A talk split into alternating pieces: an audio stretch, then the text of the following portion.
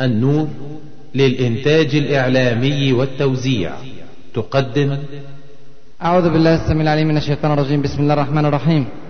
إن الحمد لله نحمده ونستعينه ونستغفره ونستهديه.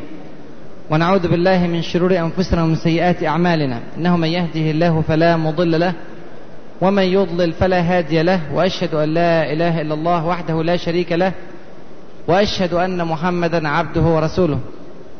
أما بعد ما زلنا إخواني وأخواتي في الله في حديثنا حول القضية الهامة التي تحدثنا عنها في عدة محاضرات وهي قضية العلم ومكانته في الشرع الإسلامي وقضية أمة الإسلام بين علوم الشرع وعلوم الحياة وكيف يكون الطريق لأن نكون علماء وكيف السبيل إلى أن نتخطى العقبات والعراقيل التي تمر بها الأمة الآن في طريق العلم.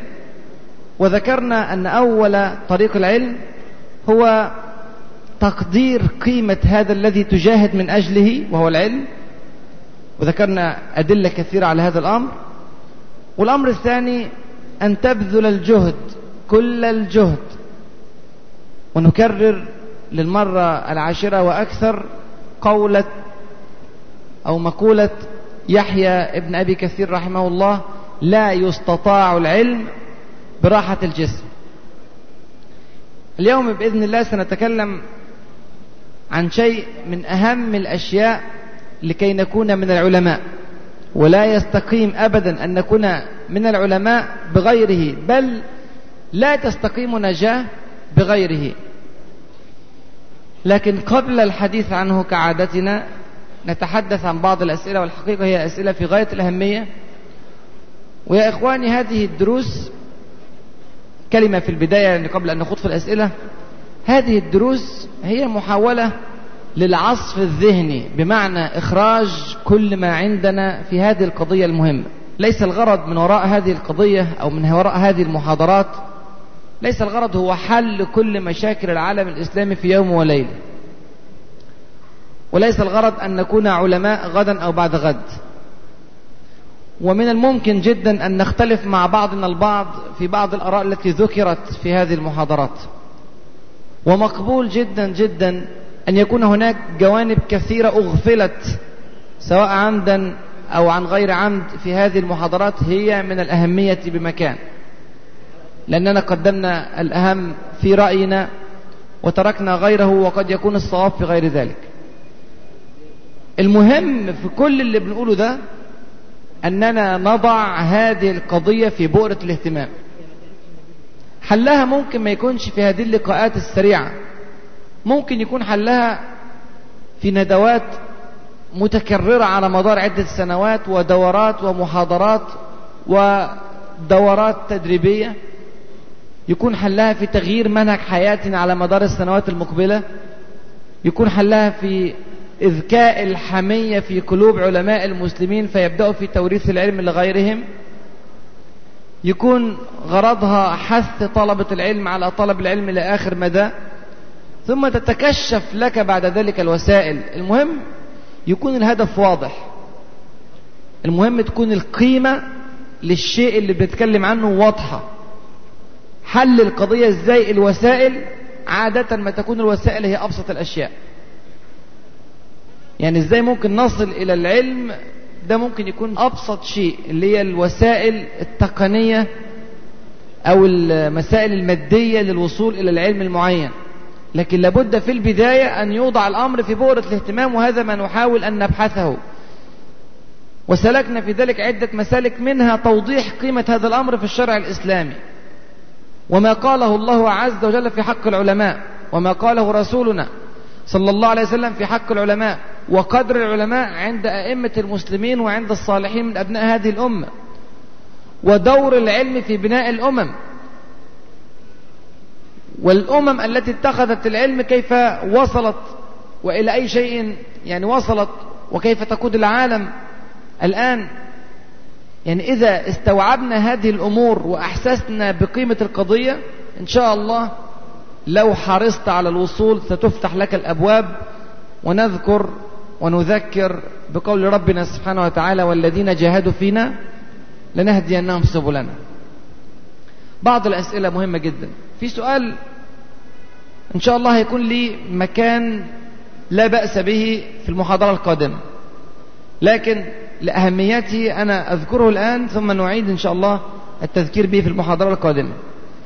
واحد من الإخوة يقول أجد في نفسي أحيانا رياء عند طلب العلم فالأصل أني أطلب العلم من أجل رضا المولى ولكن قد يداخل ذلك حب التميز وحب الشهرة وكلام الناس يدخل ذلك في إحساسي وفي نيتي للتفوق. فماذا أفعل؟ أنا أذكره الحقيقة بالمقولة الهامة جدا وهي العمل من أجل الناس رياء. وترك العمل من أجل الناس شرك. هذا أخطر. يعني ساعات إبليس يأتي يزين لك أمور ويلبس عليك الأشياء. فيقول لك والله أنت تطلب العلم لأجل الناس. فيدفعك إلى تركه حتى تنقي النية وتصلح القلب. وهذا تلبيس. من إبليس. لكن الصواب أن تستمر في العمل مع تجديد النية المستمر وتجديد النية ده أمر مش سهل. نعم. ويقول سفيان الثوري ما عالجت شيئا أشد علي من نيتي. هي أمر صعب فعلا. لكن بالممارسة وبالمحاولة مرة والثانية والثالثة وأكثر إن شاء الله سيصل المسلم الصادق إلى درجة الإخلاص المطلوبة. والكلام ده مش مرة ولا مرتين في العمر أو مرتين في السنة لكن الكلام ده مع كل عمل مع كل صباح مع كل بداية عمل معين مع كل ساعة مع كل لحظة حسب درجة الإيمان تزداد درجة الإخلاص. ومطلوب منك أنك تقرأ كتير عن الآخرة عشان تعرف تخلص كويس. لرب العالمين سبحانه وتعالى. ذكر نفسك بيوم الممات وذكر نفسك بيوم المعاد عند الله عز وجل وذكر نفسك بالحساب أمام الله عز وجل. وستجد أن النية إن شاء الله ستتجه تدريجيا إلى أن تكون نية خالصة لله عز وجل. والأمر فيه تفصيل وسنتحدث عنه إن شاء الله في الدرس القادم بشيء من التفصيل. في واحد بيسأل سؤال برضو مهم بيقول هناك مشكلة. مدارس لغات ولا مدارس لغة عربية؟ إحنا عايزين نبدأ طريق التعليم ومن أهم العناصر التي يجب أن تهتم بها الأمة الأطفال. فدخلهم مدرسة لغات ولا أدخلهم مدرسة لغة عربية. مع العلم وطبعا هذا كلام السائل وهو أمر مشاهد أن مدارس اللغات مستواها التعليمي أعلى من المدارس العربية في المجمل. طبعا في استثناءات هنا واستثناءات هناك. لكن في المجمل هذا هو المشاهد. والواقع أنني ناقشت هذه القضية قبل ذلك في مجموعة فلسطين حتى لا تكون أندلس أخرى. يذكر الإخوة الذين استمعوا لهذه المجموعة أن أعداء الإسلام عندما أرادوا الكيد لهذا الدين لم يغلقوا مدارس الأزهر في أوائل القرن الماضي. ولكنهم أنشأوا إلى جوارها المدارس العلمانية وفتحوا أبواب العمل لطلاب المدارس العلمانية. فبالتالي مع مرور الوقت بدأ الناس تتجه للمدارس العلمانية سعيا وراء بحث أو وراء فتح فرص عمل للأبناء عندما يكبروا. وأصبح اللي بيخش الأزهر هو اللي مش عارف يخش المدارس التانية. وبالتالي مع مرور الوقت تدنى المستوى التعليمي في الأزهر إلى درجات لم يكن عليها قبل ذلك مطلقا. زمان في تاريخ الأمة العظيم عظماء الأمة كما ذكرنا وكما تحدثنا في تاريخنا وسنتحدث إن شاء الله على أمثلة أخرى. عظماء الأمة حقيقة كانوا أولئك الذين يهتمون بهذه الأمور الشرعية ويدرسونها ويتفوقون فيها. وكان النبوغ في هذه المجالات وسيلة لرفعة الإنسان وسط القوم أو وسط المجتمع الذي يعيش فيه. دي كانت بداية عملها الإنجليز. عملوا مدارس علمانية وسهلوا فرص العمل لطلابها. وفوق كده كمان بدأوا يعطوا رواتب أعلى لخريج هذه المدارس أعلى بكثير من رواتب خريجي الأزهر. دلوقتي إحنا عندنا مرحلة تانية أعلى شوية. المدارس العلمانية دي كانت مدارس تتحدث باللغة العربية في المجمل أيضا. الآن بقى في مدارس تتحدث اللغة الأجنبية. وبرضه فرص العمل مفتوحة بصورة أكبر لمن يحصل على الشهادة من مدرسة أجنبية.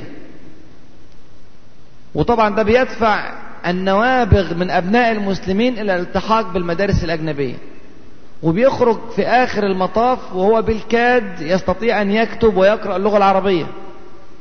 وبالتالي بيبقى صعب عليه جدا أن يقرأ القرآن الكريم أو السنة المطهرة. ولو قرأ لا يستطيع أن يفقه بسهولة. فبتكون نتيجة تردي مستمر للتفقه في القرآن والسنة وفي علوم الدين بصفة عامة. وأخطر من ذلك لأن أنا ممكن بقول أن أنا ممكن أجيب لابني مدرس يعلمهم لغة عربية في البيت عشان مستواه يرتفع. حتى لو مستواه ارتفع وقدر يقرأ اللغة العربية بصورة جيدة ويقرأ القرآن والسنة بصورة طيبة.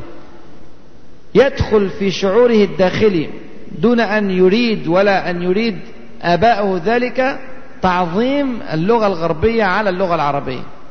وأنها مصدر النجاة في هذه الدنيا. وأنه لا فلاح له ولا وصول إلا بهذه اللغة. مش معنى الكلام ده أننا ضد تعلم اللغات الأجنبية. عشان هو بيقول برضو إن هل أنت مع تعليم الأطفال بعض المصطلحات الغربية وهم قبل سن المدرسة؟ والسؤال يرمي بعد ذلك هل ترى يتعلم اللغات الأجنبية مع اللغة العربية ولا ما يتعلمهاش؟ طبعا نحن مع تعلم اللغات الأجنبية مطلقا. على قدر ما تستطيع حاول أن تتعلم لغة أخرى إلى جوار اللغة العربية. لكن بشرط أن تكون اللغة العربية هي اللغة الأساس. اللغة الأولى لك. حتى لو كانت هذه اللغة ليست لها يعني تواجد في العالم الآن إلا في البلاد العربية لكن هذه بداية ونحن نريد نهضة شاملة في العالم الإسلامي وإذا حدثت هذه النهضة الشاملة في علوم مختلفة وكانت اللغة العربية قوية هيكون ده مجال انتشار للغة العربية في العالم. وأنا أفكركم بتاريخنا اللي كان عايز يتعلم طب زمان أو هندسة أو فلك أو كيمياء من أوروبا أو من الهند في وقت عزة الدولة الإسلامية كان عليه أن يتعلم اللغة العربية. فعلا. عشان يدرس في جامعات المسلمين العربية. جامعة قرطبة جامعة طليطلة جامعة أشبيلية جامعة بغداد جامعة القاهرة. طبعا القاهرة يعني مش مقصود بها القاهرة الآن جامعة الآن ولكن يعني مدينة القاهرة كانت من مدن العلم المشهورة في ذلك الزمن. وسنتحدث إن شاء الله في محاضرة صور من الحضارة الإسلامية على بعض الأمثلة من الجامعات والمكتبات الإسلامية العملاقة. كلها كانت باللغة العربية والطلبة فيها من بلاد مختلفة في العالم مسلمين وغير مسلمين باللغة العربية. لكن تحقير الأمر عند الطفل وإشعاره أنه لا نجاة له إلا بتعلم اللغة الأجنبية وجعلها هي اللغة الأساسية الأم بل وقد يفخر بعض الآباء والأمهات بأن أبنائهم لا يستطيعون الكلام بالعربية ومعظم كلامه باللغة الإنجليزية ما بيقدرش يعبر عن نفسه إلا باللغة أجنبية فده شيء خطير جدا محتاج إلى مراجعة. طبعا في ناس هت... هتعاني. أنت هتدخل ابنك مدرسة مستواها إلى حد ما أضعف من مستوى المدرسة الأجنبية أو اللي بتتكلم بلغة أجنبية. ستعاني لكن لابد أن تبذل الجهد. وكما ذكرنا أن طريق العلم لابد فيه من معاناة سواء كانت معاناة مادية أو معاناة جهدية أو فكرية يعني أي نوع من أنواع المعاناة متوقع لكن لا سبيل إلا به. وعلى فكرة لما تيجي تراجعوا سير أو تراجعوا تاريخ الدول التي قامت في هذه الأيام أو في عصرنا هذا تلاقوا سبحان الله اهتمام قوي جدا باللغة الأم حتى وإن كانت غير منتشرة في العالم. يعني التعليم الأساسي في اليابان كله باللغة اليابانية. التعليم الأساسي في ألمانيا كله باللغة الألمانية. بعض المدارس ممكن تدي لغة تانية إنجليزي أو فرنساوي. لكن معظم المدارس ما تديش هذه اللغة عشان الطفل يطلع متشرب تماما العزة بانتمائه إلى لغته. وإلى وطنه وإلى قومه. في فرنسا صعب جدا إنك تقابل واحد في الشارع تكلمه بلغة غير فرنسية. وممكن يكون فاهمك وما يردش عليك لو كلمته إنجليزي أو ألماني لأن هو معتز بالفرنسية بتاعته. في ألمانيا كذلك. في كندا مقاطعة مونتريال أو منطقة مونتريال أغلبية فيها فرنسية لغة فرنسية. القانون هناك يجرم الذي يكتب عنوان المحل باللغة غير الفرنسيه يحاسب ويدفعه غرامة. ولو عايز يكتب لغة إنجليزية أو لغة ألمانية جنب اللغة الفرنسيه يبقى لازم الفرنسية تبقى كبيرة وتحتها صغير الخط أو اللغة الثانية لما تسالوا على الكلام ده قالوا عشان اللغة ما تموتش. وهي في الآخر لغة بتربطهم سويا حتى لو على أساس دنيوي. ما بالك لو كنا نحن المسلمين يربطنا أو تربطنا اللغة العربية على أساس الدين وهي لغة القرآن ولغة أهل الجنة؟ يعني القضية في منتهى الخطورة حقيقة أن تنهار اللغة العربية هي بداية انهيار لفقه الأمة الإسلامية لقرآنها وسنة نبيها صلى الله عليه وسلم ثم هي بداية انهيار لعزة الأمة الإسلامية وللهوية الإسلامية. من أوائل الجامعات التي أنشئت في فلسطين على يد اليهود سنة 22 يعني بعد دخولهم بخمس سنوات دخلوا في سنة 17 مع الإنجليز الجامعة العبرية. وكان تدريس اللغة العبرية أمر أساسي في بناء دولة إسرائيل في داخل فلسطين الحبيبة. نسأل الله أن يحررها كاملة. فاللغة العبرية كانت لغة ميتة في العالم. مين بيتكلم عبري في العالم؟ وإلى الآن من يتكلم العبرية في العالم؟ هي لغة محدودة جدا جدا جدا. ومع ذلك لزرع الهوية وحب هؤلاء الأبناء لهذه اللغة ولهذا الوطن الذي يجمعهم تعلموا العبرية وعلموها لأولادهم. وخلي بالك اللغة العربية إن تعلمناها تربط بين بلاد العالم الإسلامي. ويا للمأساة عندما لا يفهمني الجزائري أو التونسي إلا بعد أن أتحدث معه باللغة الفرنسية أو الإنجليزية. والأمر طبعا أصعب وأصعب مع الأتراك والباكستان والهنود والإندونيسيين والماليزيين وغيرهم من غير العرب وكل يتحدث لغة مختلفة. تشتت في العالم الإسلامي. المشكلة الكبيرة إن يجي من داخل البلاد العربية اللي ربنا سبحانه وتعالى أنعم عليها إن لغتها الأم اتولدت انت كده بتتكلم عربي اعرض عن هذه النعمة وتحدث بلغة أخرى وأعيش كالأعاجم في بلاد عربية ولا حول ولا قوة إلا بالله. واحد بيسأل أدرس بكلية لغات وترجمة أزهر دراسات إسلامية فما الذي تنصحنا به ولا لنا دور؟ يعني دور ضخم جدا. مش معنى اللي فات ده إن ما تعلمش لغات إحنا قلنا تعلم لغات مهم جدا. وأنت راجل ما شاء الله لغات وترجمة وأزهر وعندك معلومات دينية لا بأس بها. تعلم اللغة الإنجليزية تعلم اللغة الأسبانية اللغة الألمانية غيره من اللغات. وصل العالم كله بدين الله عز وجل. ورد على الشبهات ورد على البابا بتاع الفاتيكان ورد على جرايد الدنمارك ورد على كذا وكذا وكذا من المشاكل اللي عمالة تطلع لنا من كل مكان. كن عنصرا فاعلا. وتحرك بلغتك. وأنت تسد ثغرة. وزيد بن ثابت رضي الله عنه وأرضاه كان مقربا جدا لرسولنا صلى الله عليه وسلم.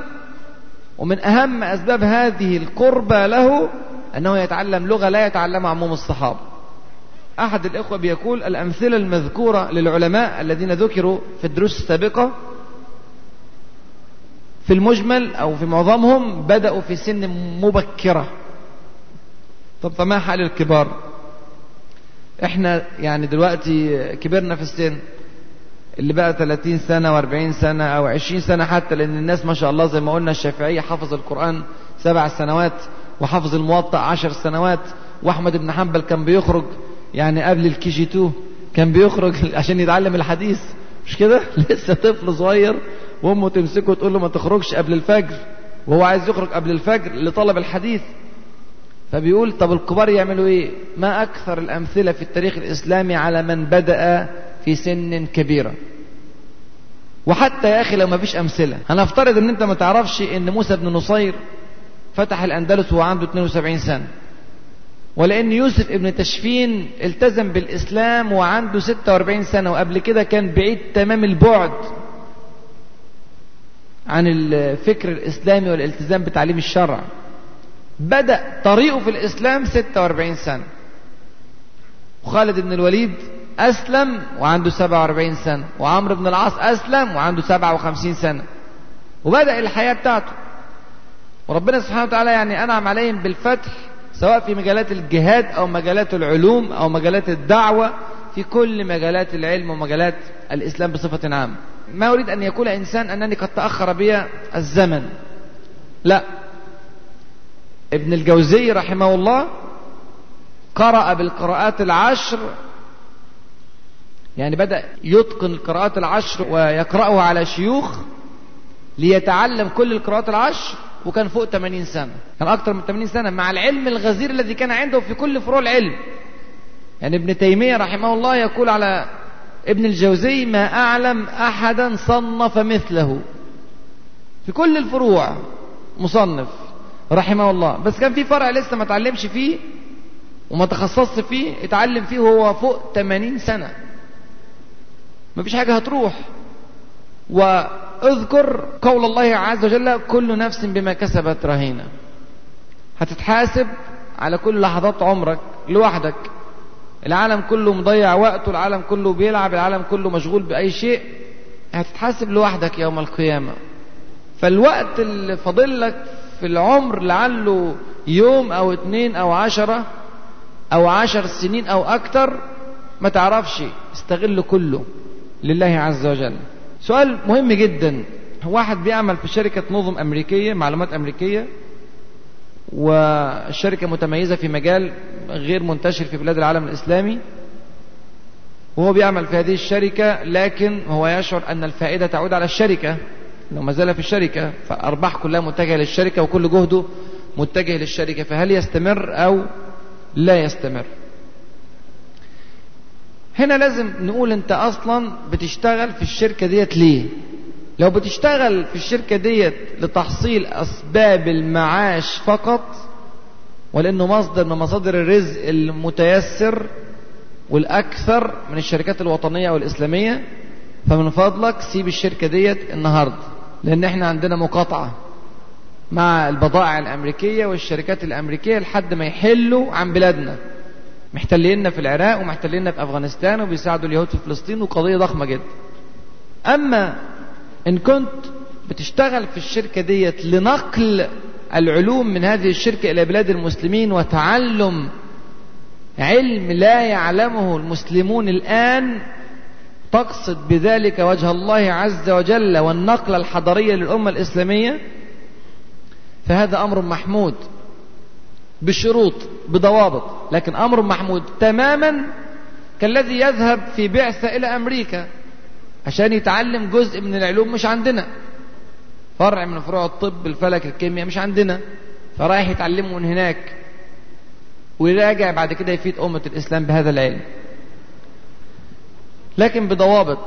أهم هذه الضوابط أن أنت يكون لك سقف. يعني إيه لك سقف؟ يعني أنا رايح الشركة ديت هشتغل فيها ثلاث سنوات. أربع سنوات. خمس سنوات. رقم محدد. معروف بخطة واضحة. وبعد كده ترجع تفيد بلاد المسلمين. لأن أنت طول ما أنت موجود هناك آه في علم جديد هتتعلمه. فتقول آه والله اخد كمان واخد كمان واخد كمان واخد كمان لحد ما يبقى عندك 70 80 سنة وأنت عمال تاخد وقاعد عندهم. والمسلمين محرومين من علمك.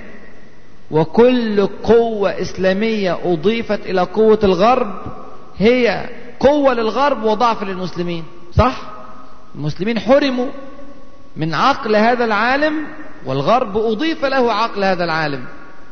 فلازم أروح بنظام الحكمة ضالة المؤمن حيث وجدها فهو أحق الناس بها. أروح أدور على الحكمة هنا وهناك. طبعا زي ما قلنا بضوابطنا عدم المخالفة مع الشرع مع القرآن والسنة. أروح أخدها من هنا لكن بقدر ما نحتاجه في هذه الجزئية. وما يبقاش الموضوع إيه مفتوح بدون حدود. الكلام ده ينطبق على البعثات وينطبق على العمل في الشركات. وطبعا خلي بالك الإغراء كبير. ممكن وانت رايح تبقى عامل حسابك انك هترجع. بس مع مرور الوقت ما ترجعش لأن الأموال أكثر والحياة أكثر. يعني راحة والعيش أرغد فتترك بلاد المسلمين وهموم المسلمين وتثري الشركة الأجنبية بكل طاقتك وهذا لا يستقيم. واحد بيسأل كيف نخرج إمكانياتنا التي وضعها الله عز وجل في العقل البشري. هو أنت لازم تبذل الجهد عشان تخرجها. زي ما قلنا قبل كده. كلمة أديسون الحياة كلمة صحيحة التي ذكرها. قلناها في الدرس اللي فات. إن الوحي اللي عنده أو الإلهام اللي عنده طبعا ليس وحي نبوه عند أديسون لكن الإلهام اللي عنده بيمثل في اختراعاته 2% وفي بعض الروايات 1% يعني في ناس نقلت عنه إن هو قال 1% بس. والباقي كله جد واجتهاد. 98% من الاختراعات نتيجة الجد والاجتهاد. نتيجة العمل والمثابرة والكفاح المستمر والسهر الساعات الطويلة. فقدر يطلع إمكانيات ما كانش حد شايفها فيه. على فكرة أديسون ده ما كانوش قابلينه في المدرسة. بيقول لك إن هو يعني على قده في التفكير يعني. مستواه مش قد كده. غبي. وده هيجاوب لنا على سؤال تاني. واحد بيقول هل لو كان هناك إنسان مستوى ذكائه ضعيف هل يمكن أن يكون عالما؟ هو مين اللي عرف إن مستوى ذكائه ضعيف؟ ما أنت جايز تحطه في مجال مش بتاعه. فلم يبدع. أديسون كان من عائلة فقيرة جدا. جدا. معدمة. كان أبوه ميت وأمه اللي بتربيه. خدته يا عيني داخل بيه على المدارس هنا وهنا ما حدش قبله. كل ما يخش مدرسة يقعد شوية يعرف إنه فقير يخرجوه منها. الكلام ده في أوائل القرن العشرين يعني مش مش في القرون الوسطى يعني. وسبحان الله يعني في الآخر حاول وحاول وحاول قعد يقرأ في كتب بتاعت أبوه. كان أبوه عنده مكتبة وبرضه طبعا دي من أسباب اللي وصلته. كان عنده مكتبة قعد يقرأ في الكتب اللي عند والده. وبدأ يشتغل في بيع الجرايد. عشان يكفي أمه ويكفي نفسه. تخيلوا. وبعد ما شوية شوية بدأ إيه كل شوية يعني يفكر تفكير ويقرأ حاجة. وعمل أول اختراع والتاني والتالت و1200 اختراع وفي رواية 2500 فإنجاز ضخم جدا. وهذه يعني ليست شخصية مسلمة. يعني ليس عندها ما عند علماء المسلمين من التوفيق. لكن بذل جهد واللي بيبذل جهد من سنن رب العالمين أنه لا يظلمه يعطيه. نعم ليس له في الآخرة نصيب لأنه لم يوجه ذلك لله عز وجل لكن اشتغل وخد في الدنيا النتيجة التي عمل لها حقيقة. فأنت محتاج جهد بس محتاج حاجة تانية مهمة جدا جدا إنك تعرف موهبتك فين. انت والناس القريبين منك حاول تطلع انت يا ترى متخصص في إيه؟ إيه مجال التفوق بتاعك؟ وده هيجرنا لسؤال تاني. واحد بيقول إذا تخصص الإنسان في مجال لا يهواه فماذا يفعل؟ اولا لازم تعرف يا ترى ده تلبيس إبليس ولا ده فعلا مجال غير مناسب ليك؟ يا ترى إبليس مش عايزك تستمر في العلم فبيقول لك بيكرهك في فرع العلم ده؟ ولا الفرع كويس وممكن تحبه بس انت الشيطان بيثبطك. حاول مرة واثنين وثلاثة وادرس مرة واثنين وثلاثة. إذا تفوقت في هذا المجال فإنك ستحبه إن شاء الله. لكن على فرض أنك أنت تفوقت برضه ونبخت ومع ذلك مش بتحبه وليس على هواك. وهواك في حاجة تانية. ليس هناك مانع أن تغير الطريق. وما تقولش الوقت عدى وفات وعدى مني عشر سنين. أو عدى مني سنتين في الكلية. أنت خلاص يا أخي بعد سنة أو سنتين في الكلية ما أنتش ماشي في الكلية ومش عاجباك الكلية ولا قادر تفهم فيها وميولك كلها في اتجاه تاني. والدك أو والدتك أو الظروف المجتمعية اللي إحنا عايشين فيها ضغطت عليك عشان تخش في كلية معينة وهواك في اتجاه تاني. غير. ما في مانع. سنة أو سنتين في عمرك خدت فيهم تجربة وخدت فيهم نوع معين من العلم حتى وإن لم يكن علما يعني ترغب فيه ليس معناه إن أنت تكمل في هذا الطريق بقى طول عمرك اللي فاضل يا عالم هتعيش قد إيه؟ ما في مانع. وكثير جدا من عظماء العالم بدأوا في اتجاه ومشوا في اتجاه تاني خالص. مفيش مشكلة خالص يعني. وإحنا نعرف أمثلة كثيرة جدا لناس في تخصصات يعني بعيدة تمام البعد عن المجال الذي نبغوا فيه بعد ذلك وتفوقوا. واحد بيسأل يحتاج طالب العلم للتفرغ وتحتاج ظروف الحياة للعمل فما الأولى؟ إيه رأيكم؟ يعني يشتغل في العلم ولا يشتغل عشان يصرف على نفسه ويعيش في ظروف الحياة الصعبة اللي إحنا عايشين فيها ديت؟ طبعا هو مقدم مقدمة طويلة جدا إن الشباب يعاني من ضائقات مالية شديدة والحالة الاقتصادية اللي أنتوا عارفينها والرخاء الاقتصادي اللي بنعيش فيه الظروف دي يعني. المهم طبعا يا إخواني لا شك إن طلب العلم قد يؤثر على حصيلتك المادية في البداية. في البداية ممكن يبقى صعب عليك فعلا. لكن بالمثابرة هتوصل إن شاء الله. ما تخليش الفلوس هي هدفك. العلم لو هدفك الفلوس إن شاء الله لو من نصيبك هتجيلك. مش معناه إنك تقعد في البيت ما تشتغلش. لا لازم تفرغ أوقات للعمل والكد والكدح لكن ما يبقاش هدفك في الحياة جمع المال. وهدفك في الحياة البحث عن وظيفة أكثر ربحا ولو كانت أقل علما. لكن اعرف لو أنت عايز تبقى عالم محتاج ظروف معينة أو محتاج شروط معينة منها التفرغ لقضية العلم قدر المستطاع. مع العمل مع أنك تعمل عمل حياتي يكفل لك المعيشة لكن ما تبقاش كل حياتك في هذا المجال. في ناس تانية هتبقى حياتها في الاقتصاد وحياتها في جمع المال لله عز وجل. لكن زي ما كنت بتكلم مع أحد الإخوة بعد الدرس اللي فات لو أنت خليت هدفك جمع المال حتى لو هدفك ده غرضك بيه إنك تعلى بأمة الإسلام يخشى عليك جدا جدا جدا من الفتنة بالدنيا. لأن هدفك إنك تجمع وتجمع وتجمع وتجمع. مع مرور الوقت وبالتدرج الشديد هتقع في الفتنة. ونسأل الله السلامة. هي في أسئلة تانية كتير بس يعني إيه؟ يعني أعتقد أن هذه أكثر الأسئلة ارتباطا بموضوعنا. وممكن إن شاء الله في المرات القادمة نعرج على بعض الأسئلة الأخرى. اليوم نتحدث بإذن الله عن العامل الذي لا يستطيع عالم أن يكون عالما إلا به بل لا ينجو الإنسان في حياته إلا بالاهتمام به. لو تفتكر كده عشان تبقى عالم قلنا حاجتين. أن تقدر قيمة الشيء الذي تجاهد من أجله الحاجة الثانية لا يستطاع العلم براحة الجسم. الحاجة الثالثة مهمة قوي وهي موضوعنا النهاردة. ممكن تلاقي ناس شغالة 24 ساعة سبعة أيام في الأسبوع 365 يوم في السنة. طول السنة شغال ما شاء الله. جهد ضخم جدا مبذول. وفي الآخر إيه؟ لا إنجاز. مفيش إنجاز معين. تلاقي نفسك تعبان طول السنة. وتيجي آخر السنة تحاسب نفسك أنا عملت إيه السنة دي؟ إيه الإنجازات اللي عملتها السنة دي؟ ما تلاقيش. ليه يا إخواني الكلام ده؟ في عامل مهم جدا عايزين نتكلم فيه وهو عامل الوقت. الوقت في حياة العلماء. ما فيش عالم في الدنيا بيضيع وقته. وما فيش عالم في الدنيا مش بيرتب أولويات وقته. دولت مرحلتين. في واحد بيضيع وقته ده مستحيل يبقى عالم. لكن المشكلة في ناس ما بتضيعش وقتها بس مش عارفة تدير الوقت مش عارفة تنظم الوقت مش عارفة تستغل كل الوقت مع وجود الحمية والإخلاص في قلبه إلا أنه لا يستطيع استغلال كامل وقته.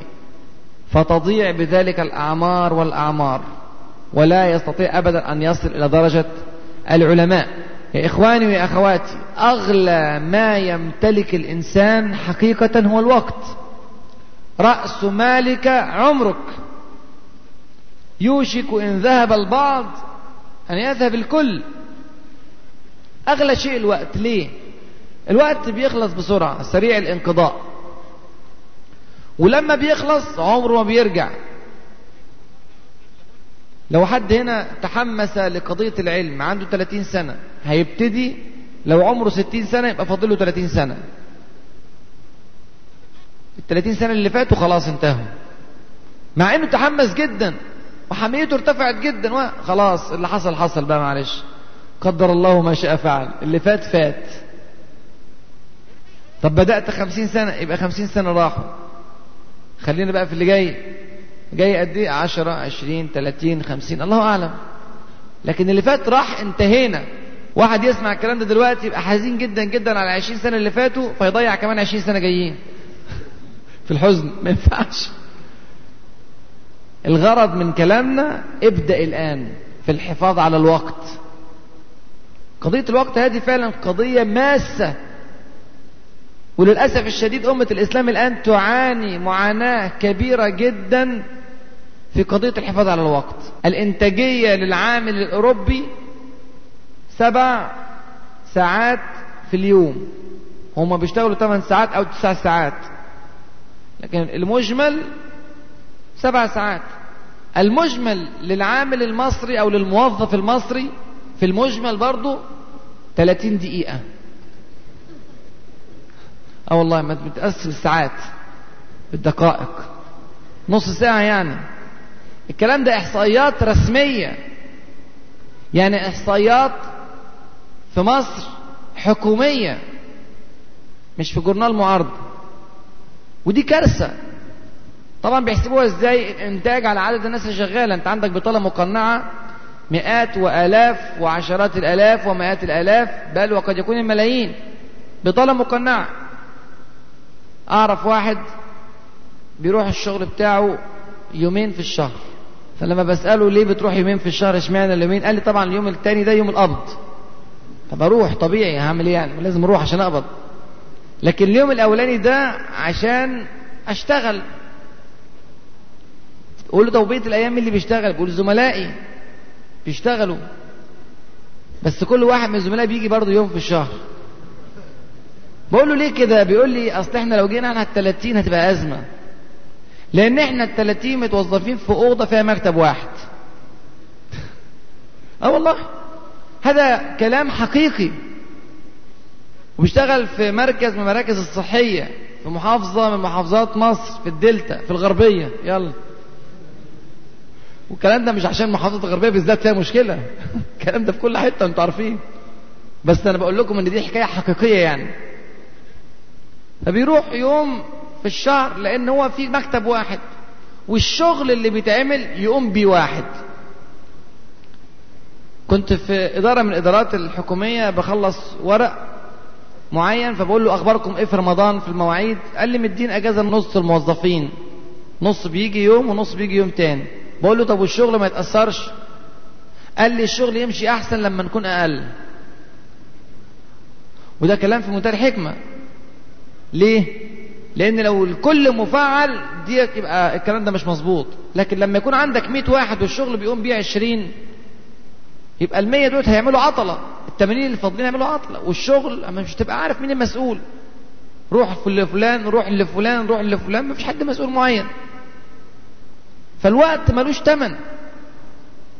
يعني لما أقعد أنا 8 ساعات في الشغل وفي الآخر إنتاجي 30 دقيقة لا يبقى الوقت ملوش تمن يبقى فين انتاجية الأمة. يبقى قضية الوقت هذه قضية للفرد وللجماعة وللأمة بكاملها قضية في منتهى الأهمية وهي قضية دنيا وآخرة. الذي يضيع وقته هذا على خطر عظيم. عارفين أكتر وقت هتعرفوا قيمة الوقت؟ في إمتى؟ في لحظتين. لحظة الاحتضار. وانت بتموت على فراش الموت وعرفت خلاص انك هتموت. هتعرف قيمة الوقت ساعتها. قال رب ارجعون. لعلي أعمل صالحا فيما تركت. كلا. إنها كلمة هو قائلها. ومن ورائهم برزخ إلى يوم يبعثون. انتهينا. مش هترجع. كلام مقطوع ومنتهي. فعند الموت وقد يكون هذا الموت الآن يا إخوان لأي حد فينا. الموت يأتي بغتة. هتعرف ساعتها آه يا ريتني استغليت الشهر اللي فات والسنة اللي فاتت واليوم اللي فات واللحظة اللي فاتت. ممكن واحد ساب الدرس وراح يتفرج على تمثيلية أو على ماتش. ممكن أو راح ينام شوية وما اهتمش بمجلس علم. وهو خارج مات. أكاد أجزم أنه لو يعني خير في لحظة موته الأخيرة أن يعود ويعمل عمل يقول لك أرجع أحضر الدرس ده تاني أو أرجع أتوب عن ذنب معين.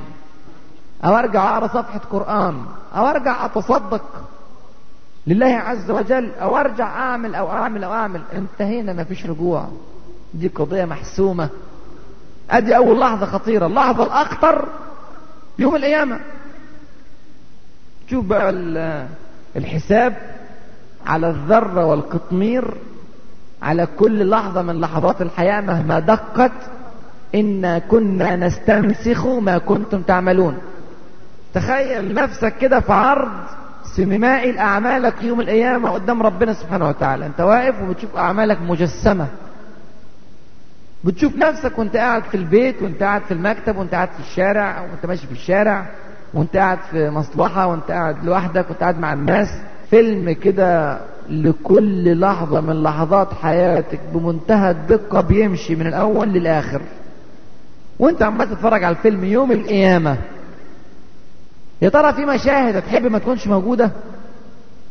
وفي مشاهد هتحب أن لو طالت في الدنيا زي طلب العلم والجهاد في سبيل الله والدعوة إلى الله والإنفاق في سبيل الله وبر الوالدين وصلة الأرحام هذه كلها محتاجة أوقات. يا ترى هتتمنى أن لو بدلت أوقات ضاعت حتى لو كانت تضيع في أمور هي من المباح؟ لكنها ليست من أعلى الدرجات أو من أعمال الدرجات العليا. أكيد هتندم يا إخوان. فإحنا أغلى شيء بنمتلكه الوقت. الحسن البصري رحمه الله كان يقول أدركت أقواما كانوا على أوقاتهم أحرص منكم على دنانيركم ودراهمكم.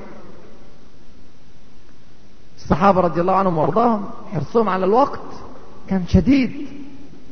في كل لحظة في إنجاز وفي إنتاج. ابن مسعود رضي الله عنه وأرضاه يقول ما ندمت على شيء ندمي على يوم غربت شمسه نقص فيه أجلي ولم يزد فيه علمي. هذا اليوم اللي أزعل عليه قوي ده. آخر اليوم حاسب نفسك يا ترى النهارده اتعلمت حاجة زيادة سواء في علوم الشرع أو في علوم الحياة. ولا اليوم ده عدى كده بدون علم. هذا يوم يندم عليه عبد الله بن مسعود. اليوم الذي يمر بلا علم. وهي أيام قليلة جدا في حياته رضي الله عنه. لأنه من علماء الصحابة الافذاذ رضي الله عنه وأرضاه. فهذه قضية محتاجين نشغل نفسنا بيها جدا جدا. الحفاظ على وقتنا وإدارة وقتنا بصورة مرضية. نعمتان مغبون فيهما كثير من الناس. الصحة والفراغ. أي فراغ في يومك لازم هيتملي لو ما اتملاش بالحق هيتملي بالباطل. لازم نفسك إن لم تشغلها بالحق شغلتك بالباطل. عشان كده ربنا سبحانه وتعالى يأمر بالمسارعة. وسارعوا إلى مغفرة من ربكم. سابقوا إلى مغفرة من ربكم. إنهم كانوا يسارعون في الخيرات وفي ذلك فليتنافس المتنافسون. الحق بسرعة ما فيش وقت يضيع. نصيحتي ليكم من الدرس لو نخرج بيها النهاردة ولو ختمنا النهاردة أنا راضي على كده. إياكم والتسويف. ما أشك أن كل الحضور عندهم قناعة تامة الآن بقيمة العلم. ويريد أن يكون عالما من علماء المسلمين. ونحسبكم جميعا على خير. ولا نزكي على الله أحدا. لكن مش كلنا هيبتدي النهاردة شغل. في ناس هتقول أبتدي إن شاء الله من أول الأسبوع أو من أول السنة الجاية. أنا السنة دي عدى منها جزء ومش قد كده. إن شاء الله السنة الجاية ههتم اهتمام كبير. أو أحضر الدراسات العليا دي بعد سنتين أو ثلاثة لما أخلص قضية كذا أو كذا. اللي هيبتدي دلوقتي قليل بس على ايديها يحصل التغيير.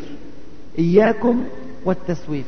عظمائنا في التاريخ الإسلامي يا إخواني كانوا حريصين جدا جدا على عدم تضييع أي لحظة من لحظات الحياة.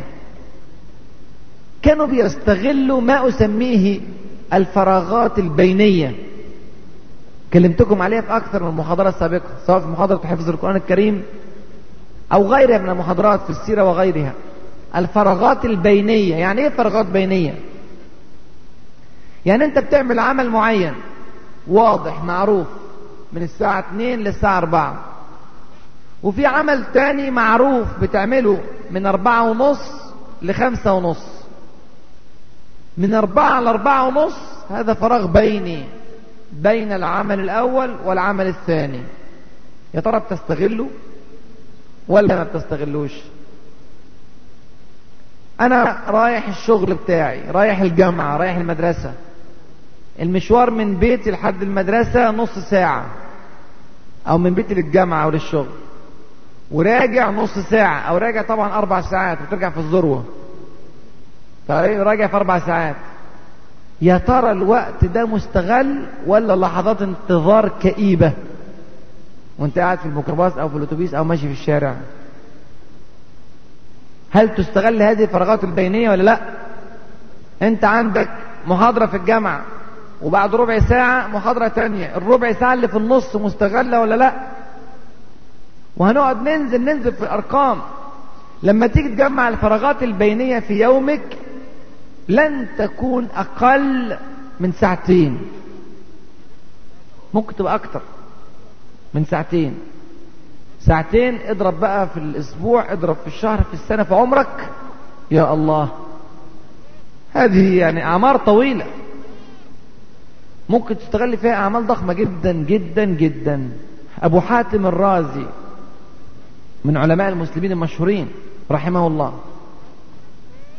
من علماء التفسير وعلماء اللغة. وكتب يعني مجلدات في فنون شتى. الإنجاز العلمي ده كله جابه منين؟ ابنه عبد الرحمن بيحكي بيقول ربما كان يأكل وأقرأ عليه. وقت الأكل هو خايف يضيع. أصل لما بيقعد يأكل مش هيقرأ مش عارف يقرأ وهو بيأكل. فيعمل إيه؟ يجيب ابنه يقعد جنبه يقرأ وهو بيأكل. بصوت يقرأ بصوت. فيسمع علم فما يروحش وقت الأكل عليه. ويمشي وأقرأ عليه. ويدخل الخلاء وأقرأ عليه. صعبة ديت ها؟ دي ما فيش داعي تعملوها مش مهم ديت يعني. خلينا ندقق على الوقت التاني يعني. بس كان بيعمل كده. وجد ابن تيمية كان يفعل ذلك أيضا. كان إذا دخل الخلاء نادى على أولاده يقرؤون خارج الخلاء عشان ما يعرفش ياخد معاه الكتب داخل الخلاء. فعشان الوقت ما يروحش. في واحد بيقف في الخلاء ما شاء الله يعني. يخش جوه نص ساعة يقعد يغني يقرأ الجورنال. أهو يسلي نفسه. لا ده بيستغل الوقت العلم.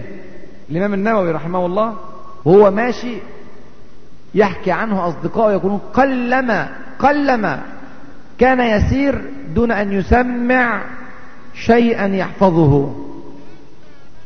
طول ما هو ماشي عمال يسمع. يا إما في كتب العلم يا إما في القرآن الكريم. بيسمع. استغل الوقت. مشوار. مع إن المشاوير يعني سبحان الله ممكن تبقى المسافات في المدن القديمة أصغر من مسافاتنا الآن. والوقت يعني المستغل في الانتقال لعله قليل لكن بيستغله برضه.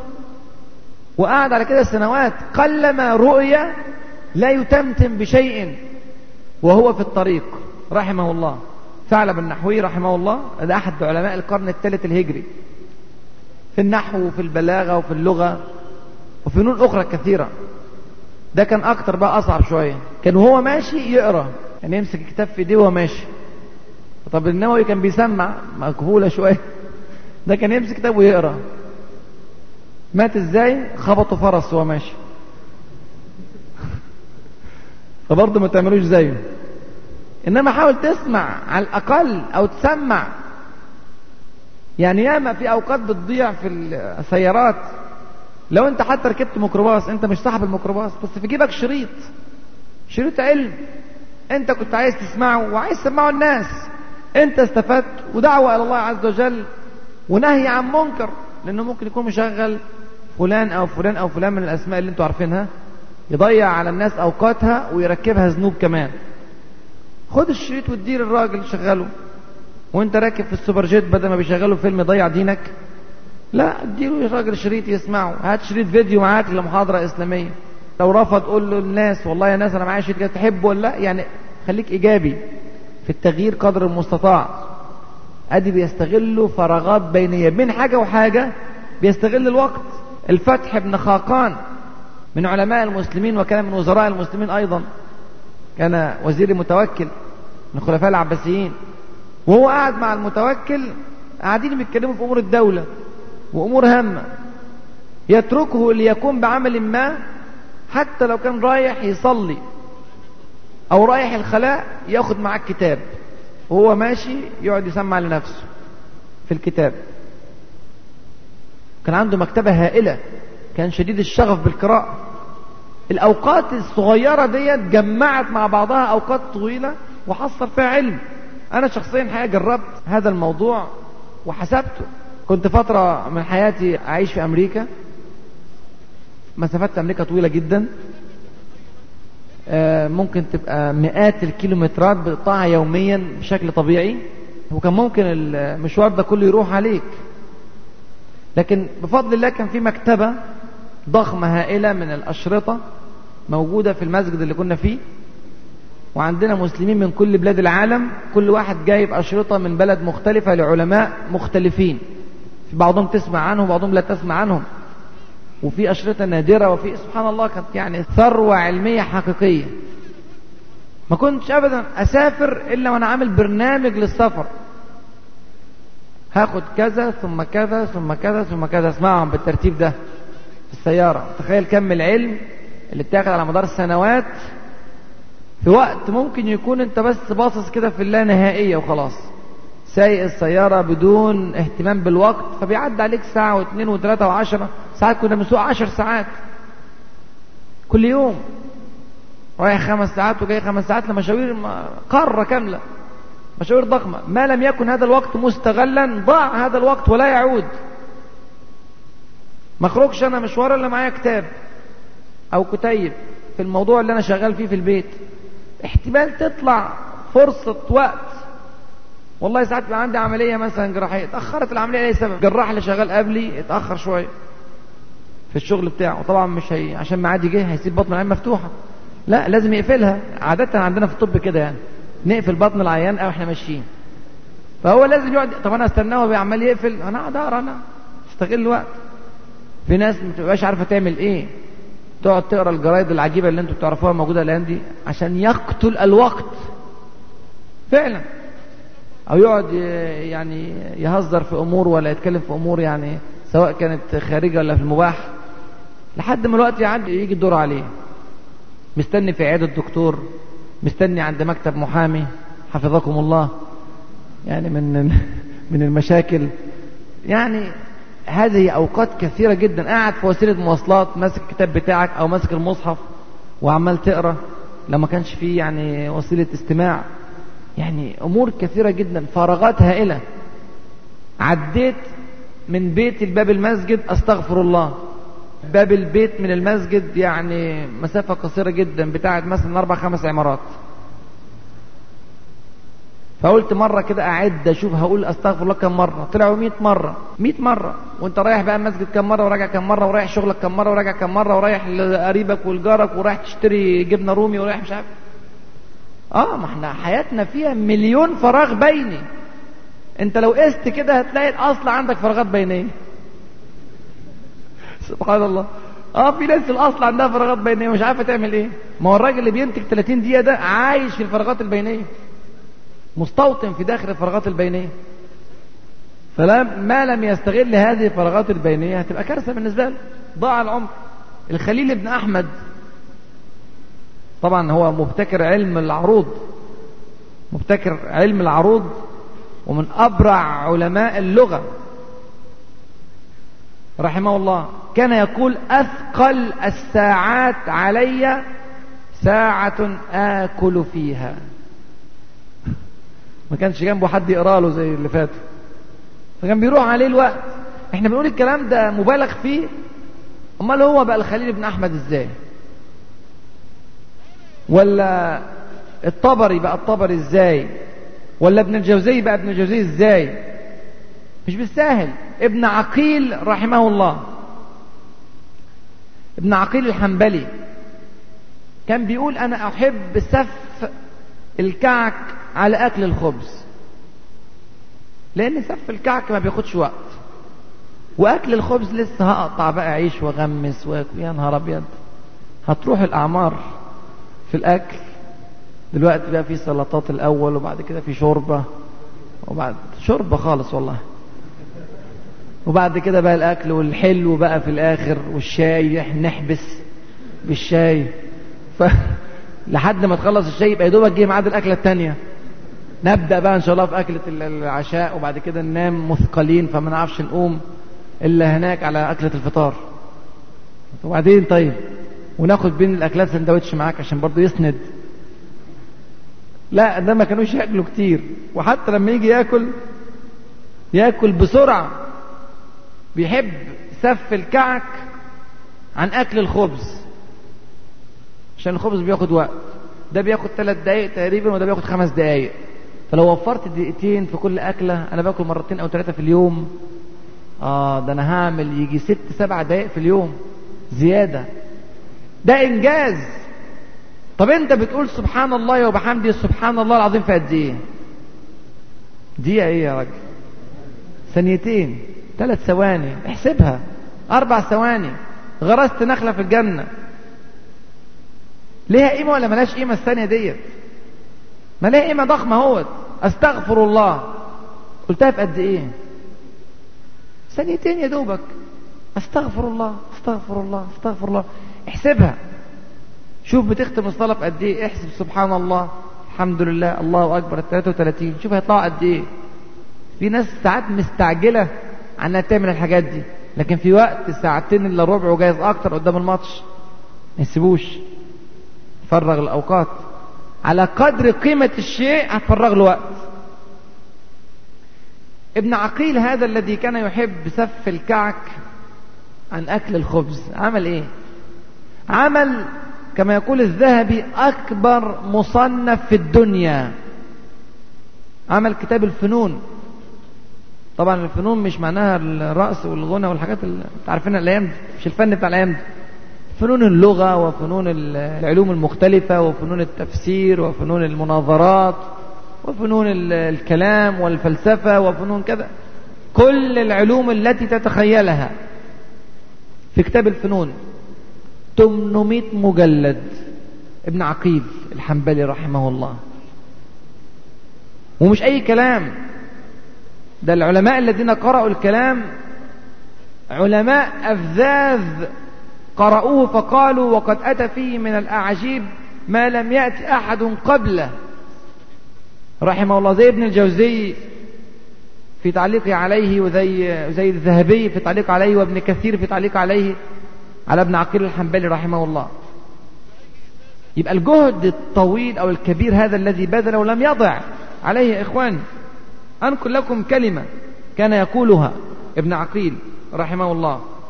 كان يقول إنه لا يحل لي أن أضيع ساعة من عمري. شوف النظرة بتاعته للوقت. إنه لا يحل لي أن أضيع ساعة من عمري. القضية مش قضية فضل. مش قضية إن أنا يعني أتنافس مع المتقين في الدرجات العلى. هو يجد أن تضييع الوقت حرام. فلا يجب أبدا أن يؤتى. إنه لا يحل لي أن أضيع ساعة من عمري. حتى إذا تعطل لساني عن مذاكرة ومناظرة وبصري عن مطالعة أعملت فكري في حال راحتي وأنا مستطرح. يعني هاخد هريح شوية. هريح على السرير شوية على الفراش شوية. دقيقتين ثلاثة ساعة. هريح من عناء المذاكرة وعناء المطالعة وعناء التدريس والمناظرة. هريح شوية. ما بريحش كده نايم كده أفكر في لا شيء. لا أعمل فكري في مسائل وأنا نايم مستطرح على الفراش. فلا أنهض من الفراش إلا وقد خطر على بالي ما أسطره. وإني لأجد من حرصي على العلم وأنا في الثمانين في الثمانين من عمره أشد مما كنت أجد وأنا في العشرين. هذا كلام ابن عقيل. عشان كده عمل كتاب الفنون 800 مجلد. من الحاجات المهمة جدا برضو في قضية الوقت غير استغلال الفراغات البينية وغير استغلال الأوقات الضرورية التي يجب أن تقضى زي وقت الأكل وغيره وغيره. إن الإنسان يبتدي يدير وقته وينظمه. هعمل كذا الأول ووراه كذا ووراه كذا ووراه كذا. الإمام النووي رحمه الله أنتوا عارفين الإمام النووي؟ ما شاء الله لا قوة إلا بالله إنجازاته يعني كما ذكرنا في درس سابق هائلة وفي فروع مختلفة كثيرة. اللي يسمع قصة النووي رحمه الله ويقرأ المصنفات التي كتبها في الحديث وفي الطبقات وفي الفقه وفي أصول الفقه في غيرها وغيرها وغيرها يظن أنه كان منقطعا تمام الانقطاع للكتابة والتأليف. هو كان بيألف ويكتب بالليل. طب بالنهار كان عنده إيه؟ كان عنده درسين في الوسيط في الفقه ودرس ثالث في المهذب ودرس في الجمع بين الصحيحين ودرس في صحيح مسلم ودرس في اللمع في النحو. ودرس في إصلاح المنطق لابن السكيت في اللغة ودرس في التصريف ودرس في أصول الفقه ودرس في المنتخب للفخر الرازي ودرس في أسماء الرجال ودرس في أصول الدين في التوحيد. لما تعدهم تلاقيهم 12 درس يوميا. بيحضر الدروس ديت عشان يتعلم وفي مرحلة تانية من حياته بيحضر الدروس ديت عشان يعلم. هو كان أستاذ في المدرسة مدرسة الحديث في دمشق. فكان بيعلم. قعد عمره ده يحضر 12 درس سواء طالب علم أو معلم أو عالم. وبالليل بيصنف. بيكتب. فعمل الإنجازات الهائلة دي كلها. الدروس ديت مترتبة بأوقات معروفة. بعد الفجر في درس وبعد الضحى في درس وبعد الضحى بساعتين ثلاثة في درس تاني وقبل الظهر في درس وبعد الظهر في درس وبعد العصر وبعد المغرب. كل درس ليه ميعاد معروف وبالليل التأليف ومات رحمه الله عنده 44 سنة. هذا الإنجاز الضخم عنده 44 سنة. وبني آدم زينا وزيه وهيتحاسب يوم القيامة معانا وهيتوزن في نفس الميزان. أصل خلي بالك الميزان يوم القيامة واحد. مفيش ميزان لأهل القرن العشرين وميزان لأهل القرن الأول وميزان لدولة أمريكا وميزان لدولة مصر. لا هو ميزان واحد. أحمد بن حنبل بيخش يتوزن وابن عقيل بتخش يتوزن ابن الجوزي والطبري والشافعي والنووي. وابن النفيس والبيروني وجابر بن حيان والرازي والمجاهدين والعلماء والدعاء والمنفقين كل دول بيخشوا مع بعض كده واحد ورا الثاني وإحنا بنخش إحنا كمان. لابد لنا جميعا أن نعرض على رب العالمين سبحانه وتعالى. وأن توزن الأعمال. لابد فالحق دلوقتي بقى. عندنا فرصة سمعنا الكلام؟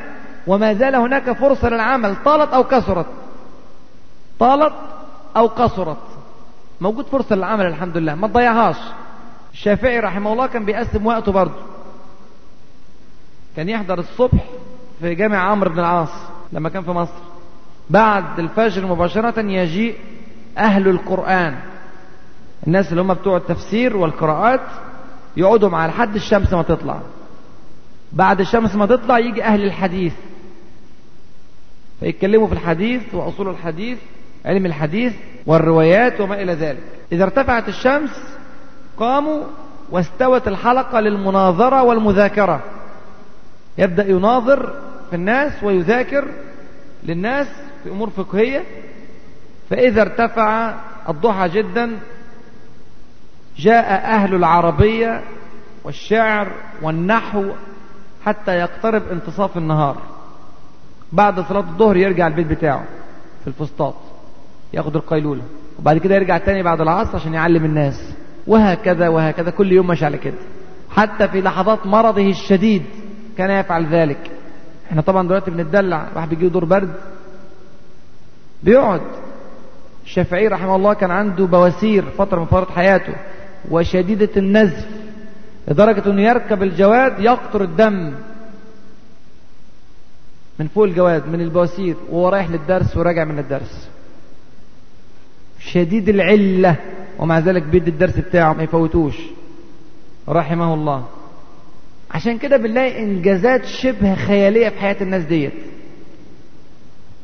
حقيقة. واحد بيقول لي كل شوية تبص في الساعة ومكمل برضه. وبعدين؟ طب إيه فايدتنا إيه بصت الساعة؟ عايزين نظره في الساعة ونقول سبحانك اللهم وبحمدك. عشان ميعاد التمثيلية.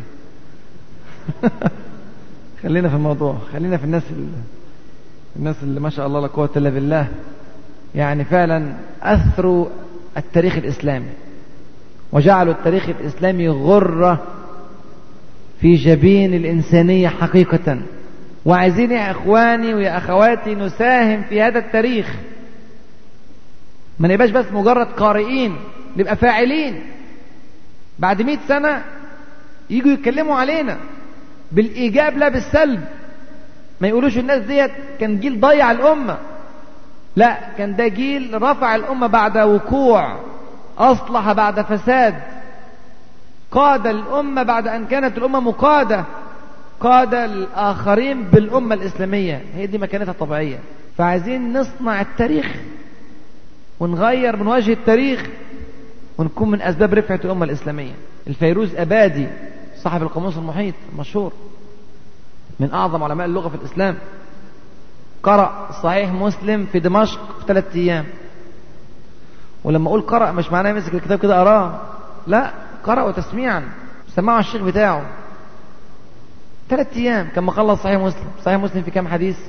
بالمكرر من 7000 ل 12000 حسب حسابات العلماء. من غير المكرر 3000 أو 4000 خلينا في أقل رقم 3000 3000 حديث يقرأهم تسميعا في ثلاث أيام. ابن حجر العسقلاني شوفوا الدرجة بتاعته. قرأ صحيح البخاري في 40 ساعة. برضه تسميعا. قرأ صحيح البخاري في 40 ساعة.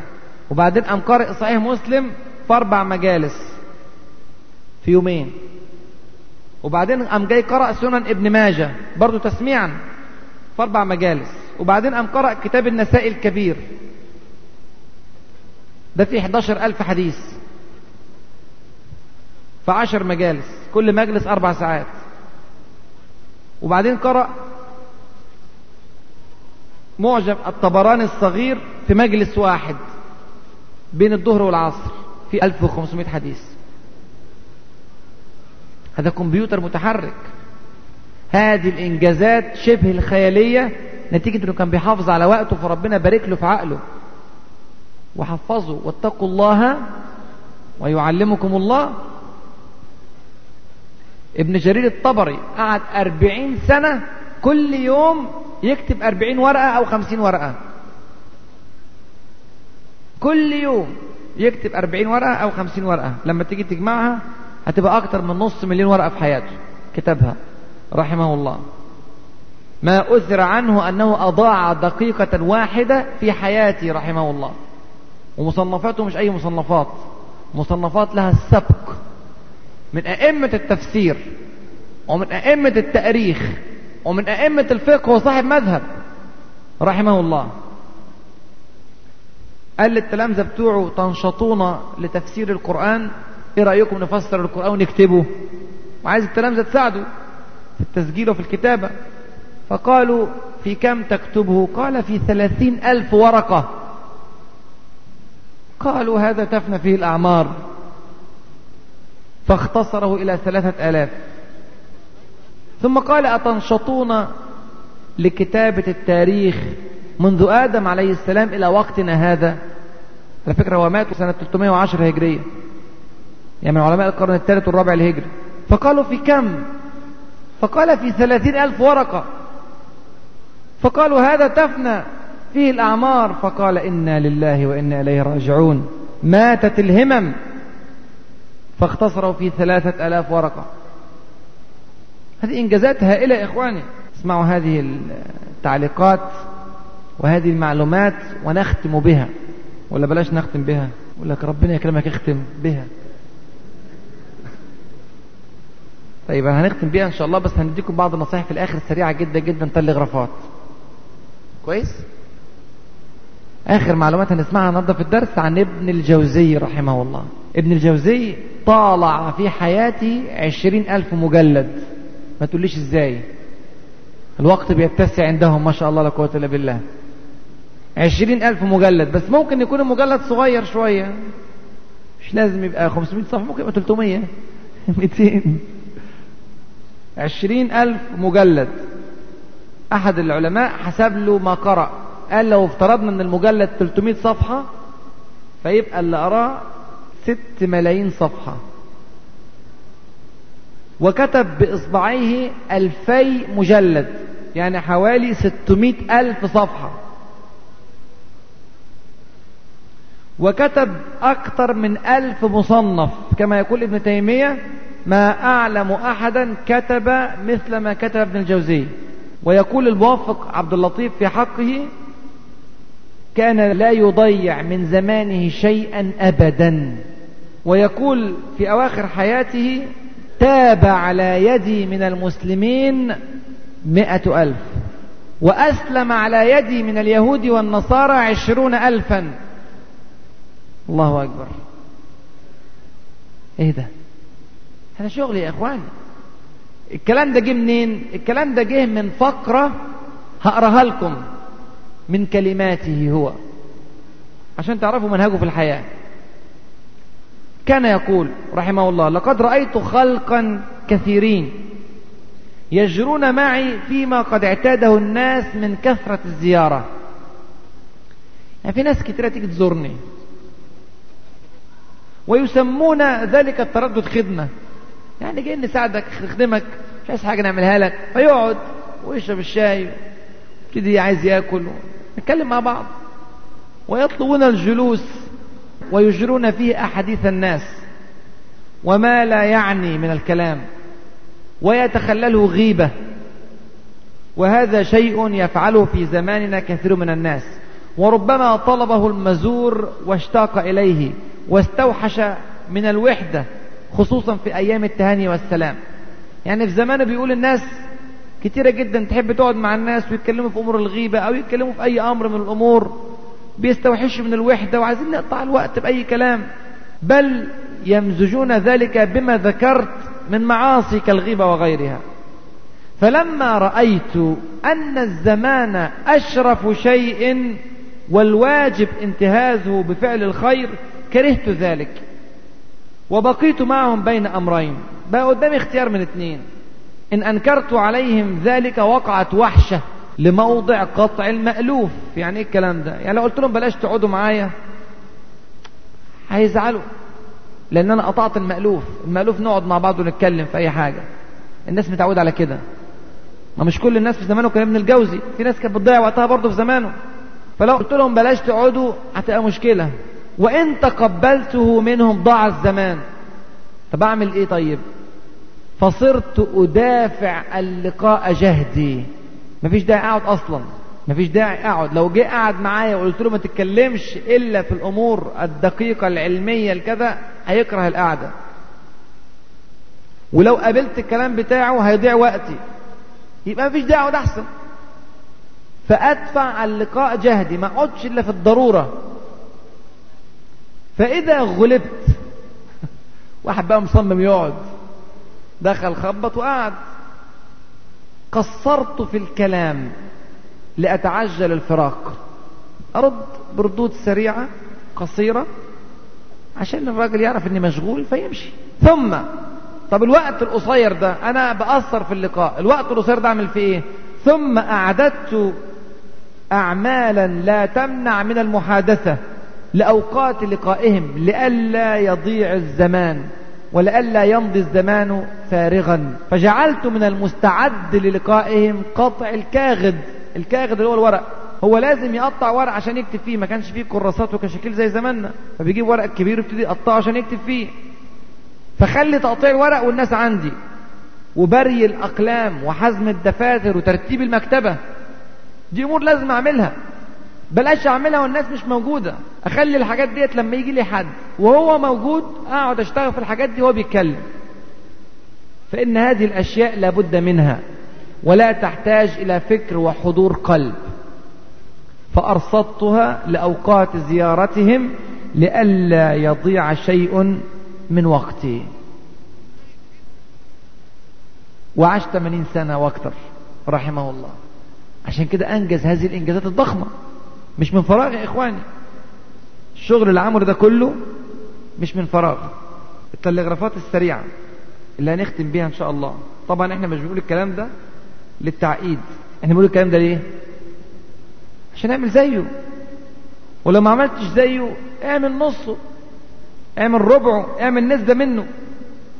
تلغرافات سريعة في نهاية المحاضرة. عشان تروحوا تذاكروا. مش كده؟ ذاكروا في العلم؟ أول تلغراف ابدأ الآن. لازم تروح على الأقل حتى لو عايز تنام شوية عشان ترجع للتهجد حط خطة كده سريعة في ذهنك عشان لو جاءك الموت يجيئك وأنت على هذه النية. ابدأ من الآن في إعداد جدول عملي للعلم. التلغراف الثاني حدد الهدف والأولويات. أنا هشتغل في أي مجال من مجالات العلوم. هدفي إيه؟ أوصل لإيه؟ نيتي إيه؟ والأولويات هرتب إيه الأول وإيه وراه وإيه وراه وإيه وراه التلغراف الثالث ضع خطة فيها كل الدوائر التي تهمك. خلي بالك أنت مش بس طالب علم. أنت طالب علم ممكن تبقى زوج ممكن تبقى أب ممكن تبقى ابن ممكن تبقى موظف ممكن تبقى عامل ممكن تبقى أستاذ. عندك أعمال أخرى في حياتك. عندك رحم عندك أمة إسلامية عندك دعوة عندك مسجد عندك نادي بتروحه عندك كذا. في أمور كتيرة مشغول بيها. حط خطة فيها كل الدوائر وقسم الأعمال على الدوائر ورتب أولويات. عشان لو في حاجة وقعت منك يقع منك أربعة وخمسة وستة وما يقعش منك واحد اثنين وثلاثة أربعة التلغراف الرابع مهم جدا أشرك معك ذوي الخبرة. أنت راجل بتاع كيمياء بتاع فيزياء بتاع فقه بتاع حديث ما تحطش خطتك لوحدك. اقعد مع واحد من المتخصصين عشان يساعدك في وضع خطة محكمة وابدأ من حيث انتهى الآخرون. استفد بتجارب السابقين وإخوانك وأصحابك وأقرانك وأساتذتك وعلماء الأمة ممكن يفيدوك بما لا تتخيل من نصائح. التلغراف الخامس قبل الأخير تابع خطتك. يعني بعد ما تعمل الخطة وتحط مقدار زمني معين هخلص العلم ده في ثلاث شهور في سنة في سنتين اعمل متابعة لنفسك. بعد شهر كده اقعد حاسب نفسك عملت إيه؟ أنا ماشي في الطريق صح ولا بضيع وقتي؟ بعد ثلاث شهور اقعد تاني مع نفسك بعد ست شهور بعد سنة جلسات تقييم مستمرة.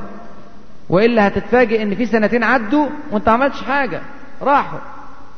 وهتفتكر إن الشيخ فلان من سنتين كان ادى درس زي ده وخرجت متحمس عشان أتعلم وعدى سنتين وما عملتش حاجة. ليه؟ مع إن حطيت خطة ما تبعتهاش التلغراف الأخير تحلى بأخلاق العلماء الربانيين. لأن ممكن تبقى عالم ولا حول ولا قوة إلا بالله قد تسعر جهنم بعالم. بل إنها كذلك. أول ما تسعر تسعر بعالم وتسعر بمقاتل أو مجاهد وتسعر بمنفق. والكلام ده ليه تفصيل؟ تحلى بأخلاق العلماء الربانيين. ما هي أخلاق العلماء الربانيين؟ هذا هو حديثنا في المحاضرات القادمة إن شاء الله رب العالمين. أسأل الله عز وجل أن يفقهنا في سننه وأن يعلمنا ما ينفعنا وأن ينفعنا بما علمنا إنه لي ذلك والقادر عليه. فستذكرون ما أقول لكم وأفوض أمري إلى الله. إن الله بصير بالعباد. والسلام عليكم ورحمة الله وبركاته. مع تحيات النور للإنتاج الإعلامي والتوزيع.